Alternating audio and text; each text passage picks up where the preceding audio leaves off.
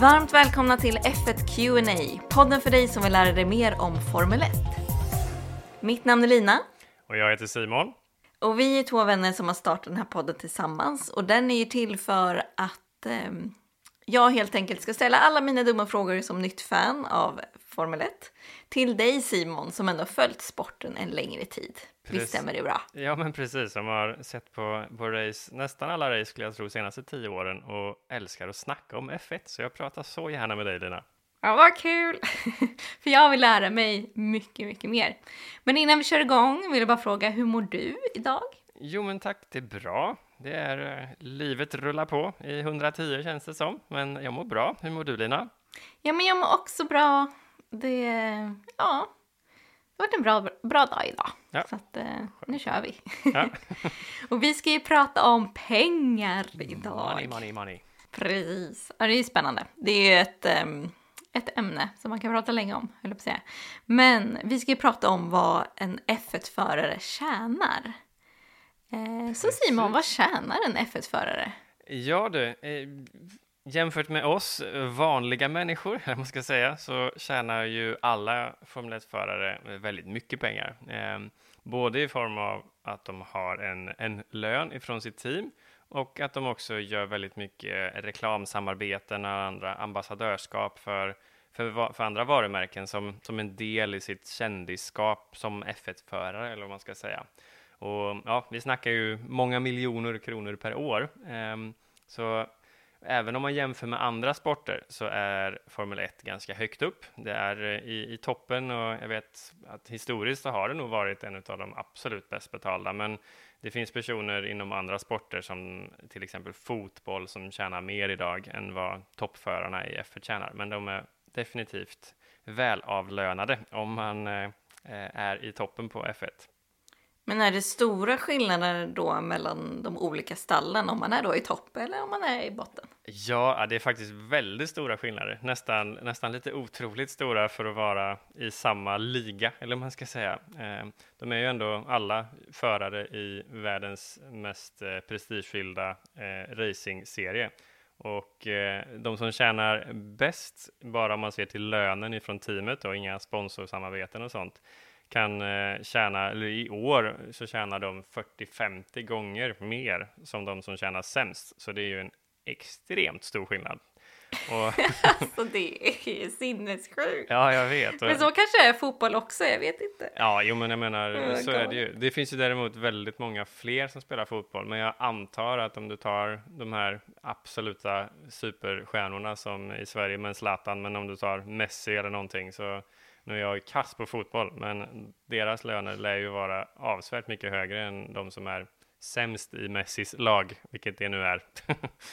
Ja, ja, precis. Ja, men så, det lär ju vara så. Ja, men jag kan ta några exempel här. Nu ska vi inte 20... uttala så mycket om fotboll. Ja, ja, men som ett exempel här från 2022 på siffror så eh, Lewis Hamilton som eh, har vunnit VM sju år, han har ju fått en väldigt bra lön. Han tjänar mest eh, och tjänar ungefär 40 miljoner dollar per år ehm, i, i lön. Eh, det är alltså en månadslön på 33 miljoner kronor, så det är drygt en miljon per dag, eh, inklusive helger, så det är väl inte så pjåkigt om jag får säga det själv. Eh, men i... Jag hade gärna tackat ja till den lönen om man ja, säger så. helt okej. Okay.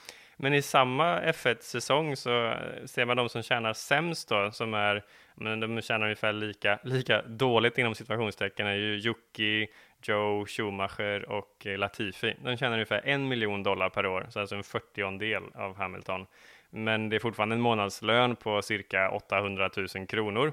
Eh, så även om det är lägslön i F1 så är ju 800 000 kronor i månadslön bland oss vanliga människor ganska så bra lön det också. Så att de går inte, de är inte fattiga, så kan man inte säga. Ehm, men, eh, nej, jag hade inte tackat nej till den månadslönen heller. Nej, men precis. Och dessutom gör de väl antagligen det de tycker är roligast i hela världen att göra. Så att eh, det, det är nog en, eh, en ynnest och en fröjd att få ens köra i F1 kan man säga, både ersättningsmässigt och upplevelsemässigt. Men förutom lönen så från de, som de får från teamet då, så tjänar de ju faktiskt ganska stora pengar. Det är lite svårare att veta siffror, men tjänar stora pengar på att göra reklam.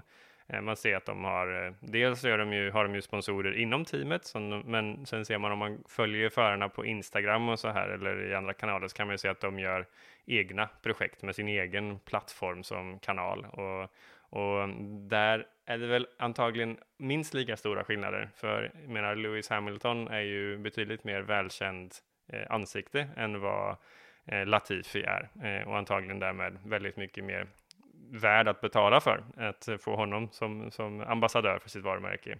Så antagligen så är skillnaderna kanske ännu större där, även om det är svårt att säga. Men när eh, passar det för dem att löneförhandla? Ja, men de, de löneförhandlar faktiskt lite likt när, så som när vi söker jobb, eh, även om eh, det här aldrig är en tills vidare anställning, utan det alltid är en, eh, ett kontrakt som har en viss längd. Så inför varje gång man signar ett kontrakt med ett team eh, så är det ju en del av det såklart att man förhandlar lönen och då lönen är ju i regel också fördelad mellan dels en, en fast del och sen en kompensationsdel som är baserad på prestationen. Eh, så att, till exempel så kan det vara så att man man får en bonus varje gång man eh, tar poäng eller att man får en bonus för varje vinst man gör eller, eller något liknande för att ha en ytterligare morot att eh, prestera på topp som förare. Så mm, man ser man vissa av förarna har ju väldigt långa kontrakt, eh, typ som jag vet att Max skriver på för ett, ett långt kontrakt nu, så han lär ju inte förhandla lön igen förrän det avtalet går ut. Jag vet Norris har också ett långt och ja, flera har ju faktiskt långa just nu. Så att, eh, men de som eh, precis har bytt team. De har ju förra säsongen förhandlat lön inför den här säsongen då. Men vem har historiskt sett tjänat bäst? Eh, lönerna har faktiskt historiskt eh, ökat mig veterligen varje år, så att eh, jag tror ingen har tjänat mer än vad Lewis tjänar nu då, alltså 40 miljoner dollar ungefär per år. Så ehm, ser vi, jag hittade faktiskt en, eh, en lista när jag, jag förberedde lite inför den här inspelningen och enligt eh, de källor jag hittar eh, det är lite svårt att dubbelkolla exakt de, vad, vad de tjänar, men det verkar stämma. Jag har kollat lite olika ställen. Så tjänar Lewis mest med 40 miljoner dollar per år och sen på andra plats kommer Max. Eh, han fick ju upp sin lön ganska rejält efter att han vann VM förra året. Han tjänar 35 miljoner dollar. Så att det är ju inte, inte långt efter. Så det är ganska stort hopp där från ettan och tvåan på 40-35 till Lando Norris och eh, Alonso på en gemensam tredjeplats då, på 20 miljoner. Så det är hälften av Lewis redan när du är nere på tredje plats i löneligan. Så att säga. Men då stort. har ju Norris inte vunnit eh, så mycket än i Nej. sin karriär, även om han är liksom up and coming. Precis, och Alonso fick nog en hög lön baserat på eh, hans otroliga track record historiskt och att då få komma in i Alp Alpine eh, och kunna bidra med allt det. Så vill han ju ha betalt för det antagligen. Men Norris har nog förhandlat bra och hans talang var värd mycket. Eh, men fortsätter vi listan så är ju faktiskt Vettel som inte har tagit mycket poäng i år. Han ligger på plats fem med 15 miljoner tillsammans med Ricciardo på 15 miljoner.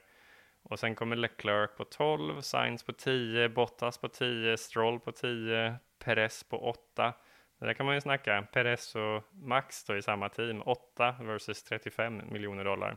Det är ganska stor skillnad på lagkamrater. Det är en rejält stor skillnad och fortsätter man neråt ytterligare så har vi Kevin på, på 6, eh, Russell på 5 och Ocon på 5, Gasly på 5 och sen är det ett ganska stort hopp ner igen då till eh, bottenkvintetten här på Albon på två, Latifi på en, Schumacher på en, Joe på en och sen Yuki Tsunoda på under en miljon, 750 000. Så eh, ja, stort spann från 750 000 dollar till 40 miljoner. Oh, wow. Men ja, spännande. Man undrar ju hur det hade sett ut om de hade liksom fått en, en bil de hade kanske kunnat eh, tävla lite mer med. Ja, ja men precis. Om de hade kunnat uppa sin labb på så sätt. Ja. Ja, jag gör faktiskt inte koll här och nu, men jag är ju säker på att, eh, att Russell eh, ändå har gjort ett stort lyft när han bytte till, eh, till eh, Mercedes. Han hade säkert en miljon som de andra där i, i de teamen nu har förra året, ish och gått upp femdubblat det då om det skulle vara så att han hade en miljon förra året. Ja, och Russell har ju nu kört eh, ganska mycket bättre än Hamilton Ja, de senaste racen här 2022. Så där är han blir nog sugen på att uppa sin lön lite mer framöver. Kan jag tänka mig. det kan det nog bli så om man fortsätter som man gör nu. Om det finns utrymme i hans kontrakt, det vill Ja. säga. Det vet inte vi. Det vet inte vi, nej. Precis. Men eh, finns det någon liksom, statistik på vem som har tjänat sämst genom åren? Det vet jag faktiskt inte. Jag tror inte det är lätt att hitta. Det är inte så mycket nyhetsvärde i det där med vem som tjänat sämst, men jag skulle ju tro, om man ser till ändå vart F1 kommer ifrån och att det liksom är en entusiastsport till mångt och mycket. Många, många som kanske investerat i F1 eh, där det inte har varit av affärsmässiga skäl utan för passionen för sporten så skulle jag ju tro att det finns förare som har finansierat sin egen, sitt eget race, eh, racingteam och därmed kanske i, i slutändan verkligen gått back på att köra och inte tjänat, tjänat negativa pengar på att köra F1. Det skulle jag gissa att det finns sådana exempel, men jag har faktiskt inga, inga på rak arm och jag tror inte statistiken finns där heller. Inte så lätt att hitta i alla fall. Nej, men som en sista fråga då. Mm. Ehm, om, man, om man tänker att eh, Leclerc vinner VM 2022. Mm. Han har ju nu en lön på 12 miljoner. Ja. Kommer han kunna förhandla om sin lön i och med att han redan har ett flerårigt kontrakt? Det tror jag inte, men det är väl antagligen det som är Eh, teamets eh, förhoppning när de eh, då låser in en förare på ett långt kontrakt är ju att om det går riktigt bra så får de Leclerc billigt. Men å andra sidan då så vet ju Leclerc om att jag har ett långt kontrakt så även om det skulle bli en knackig säsong så ryker jag inte. Och jag vet att jag har ju en, en bra ersättning under den här tiden. Men jag skulle tro att eh, så som kontrakt normalt fungerar i alla fall så är de ju till för att just eh, veta vad som gäller under kontraktets tid. Så jag skulle inte tro att han kan förhandla om det. Eh, men eh, ja, det är möjligt att han har fina bonusdelar i sitt kontrakt som gör att han ändå tjänar lite mer på att det går bra. Eh, det skulle jag tro. Eh, men eh, men jag tror inte att han för, kan förhandla om själva grundlönen om inte det finns en sån klausul i hans kontrakt såklart. Och det vet vi inte hur det ser ut i detalj. Nej, det vet vi inte. Men det hade varit väldigt intressant att vara en fluga på väggen i de här förhandlingarna. Ja, verkligen kan- alltså. Och bara veta hur det går Det kan till. inte gå... Ja, precis. Det, det måste ju vara några turer fram och tillbaka. Ja, verkligen. Såklart. Och att man kan motivera att en eh, förare är värd så mycket mer än en annan förare är ju, det är ju samma i alla sporter såklart, när det är de här yttersta talangerna man är ute efter, att det blir sådana otroliga summor. Eh, det är ju det är svårt att, att, att, att, förstå exakt. är det verkligen värt att lägga 20 miljoner extra dollar på en annan förare än en annan? Ja, kanske det. Ja, för det tänker jag vi måste ju prata om i något annat avsnitt också. Ekonomin kring liksom hela F1 Mm. eller hur... Ja, Kanske jag- till och med få dela upp det till att prata om hur stallens ekonomi ser ut och hur mycket, man, mm, hur mycket pengar man får om man vinner precis. mästerskapet. Och, ja, det, Det- finsk ju jättemycket att grotta ner sig i där som, jag, Verk, verkligen. Och som vi, hur- vi får prata om i ett annat avsnitt. Ja, ja, jag kan ge en liten teaser ju. Det är ju liksom förbestämt också hur, hur beroende på teamens commitment till hela FIAs F1-cirkus så har de ju garanterade pengar också som kommer ifrån intäkterna som F1 genererar. Och, ja, det är verkligen, det finns en, det är ganska komplext och, och också i kombination med att hela fokuset på att det ska finnas ett budget cap och ja, ja men det får vi ta ett eget avsnitt om. Ja, så att, eh, det, det hoppas vi att du som lyssnar också är sugen på att höra mer om. Du kanske kan till och med skriva till oss på F1QNA Eh, på sociala medier. Vi finns på Twitter och så finns vi på Instagram. Om du har frågor om just de här ekonomiska delarna kring, eh, kring Formel 1. Men också om du har andra frågor som du tycker att ja, men det här har jag funderat på, det här vill jag veta mer om. Skicka det till oss så eh, kanske vi gör ett avsnitt om just din fråga. Så vi får tacka dig som har lyssnat. Eh, så hörs vi om en vecka igen helt enkelt. Det gör vi. Ha det så bra. Hej då! Hej då!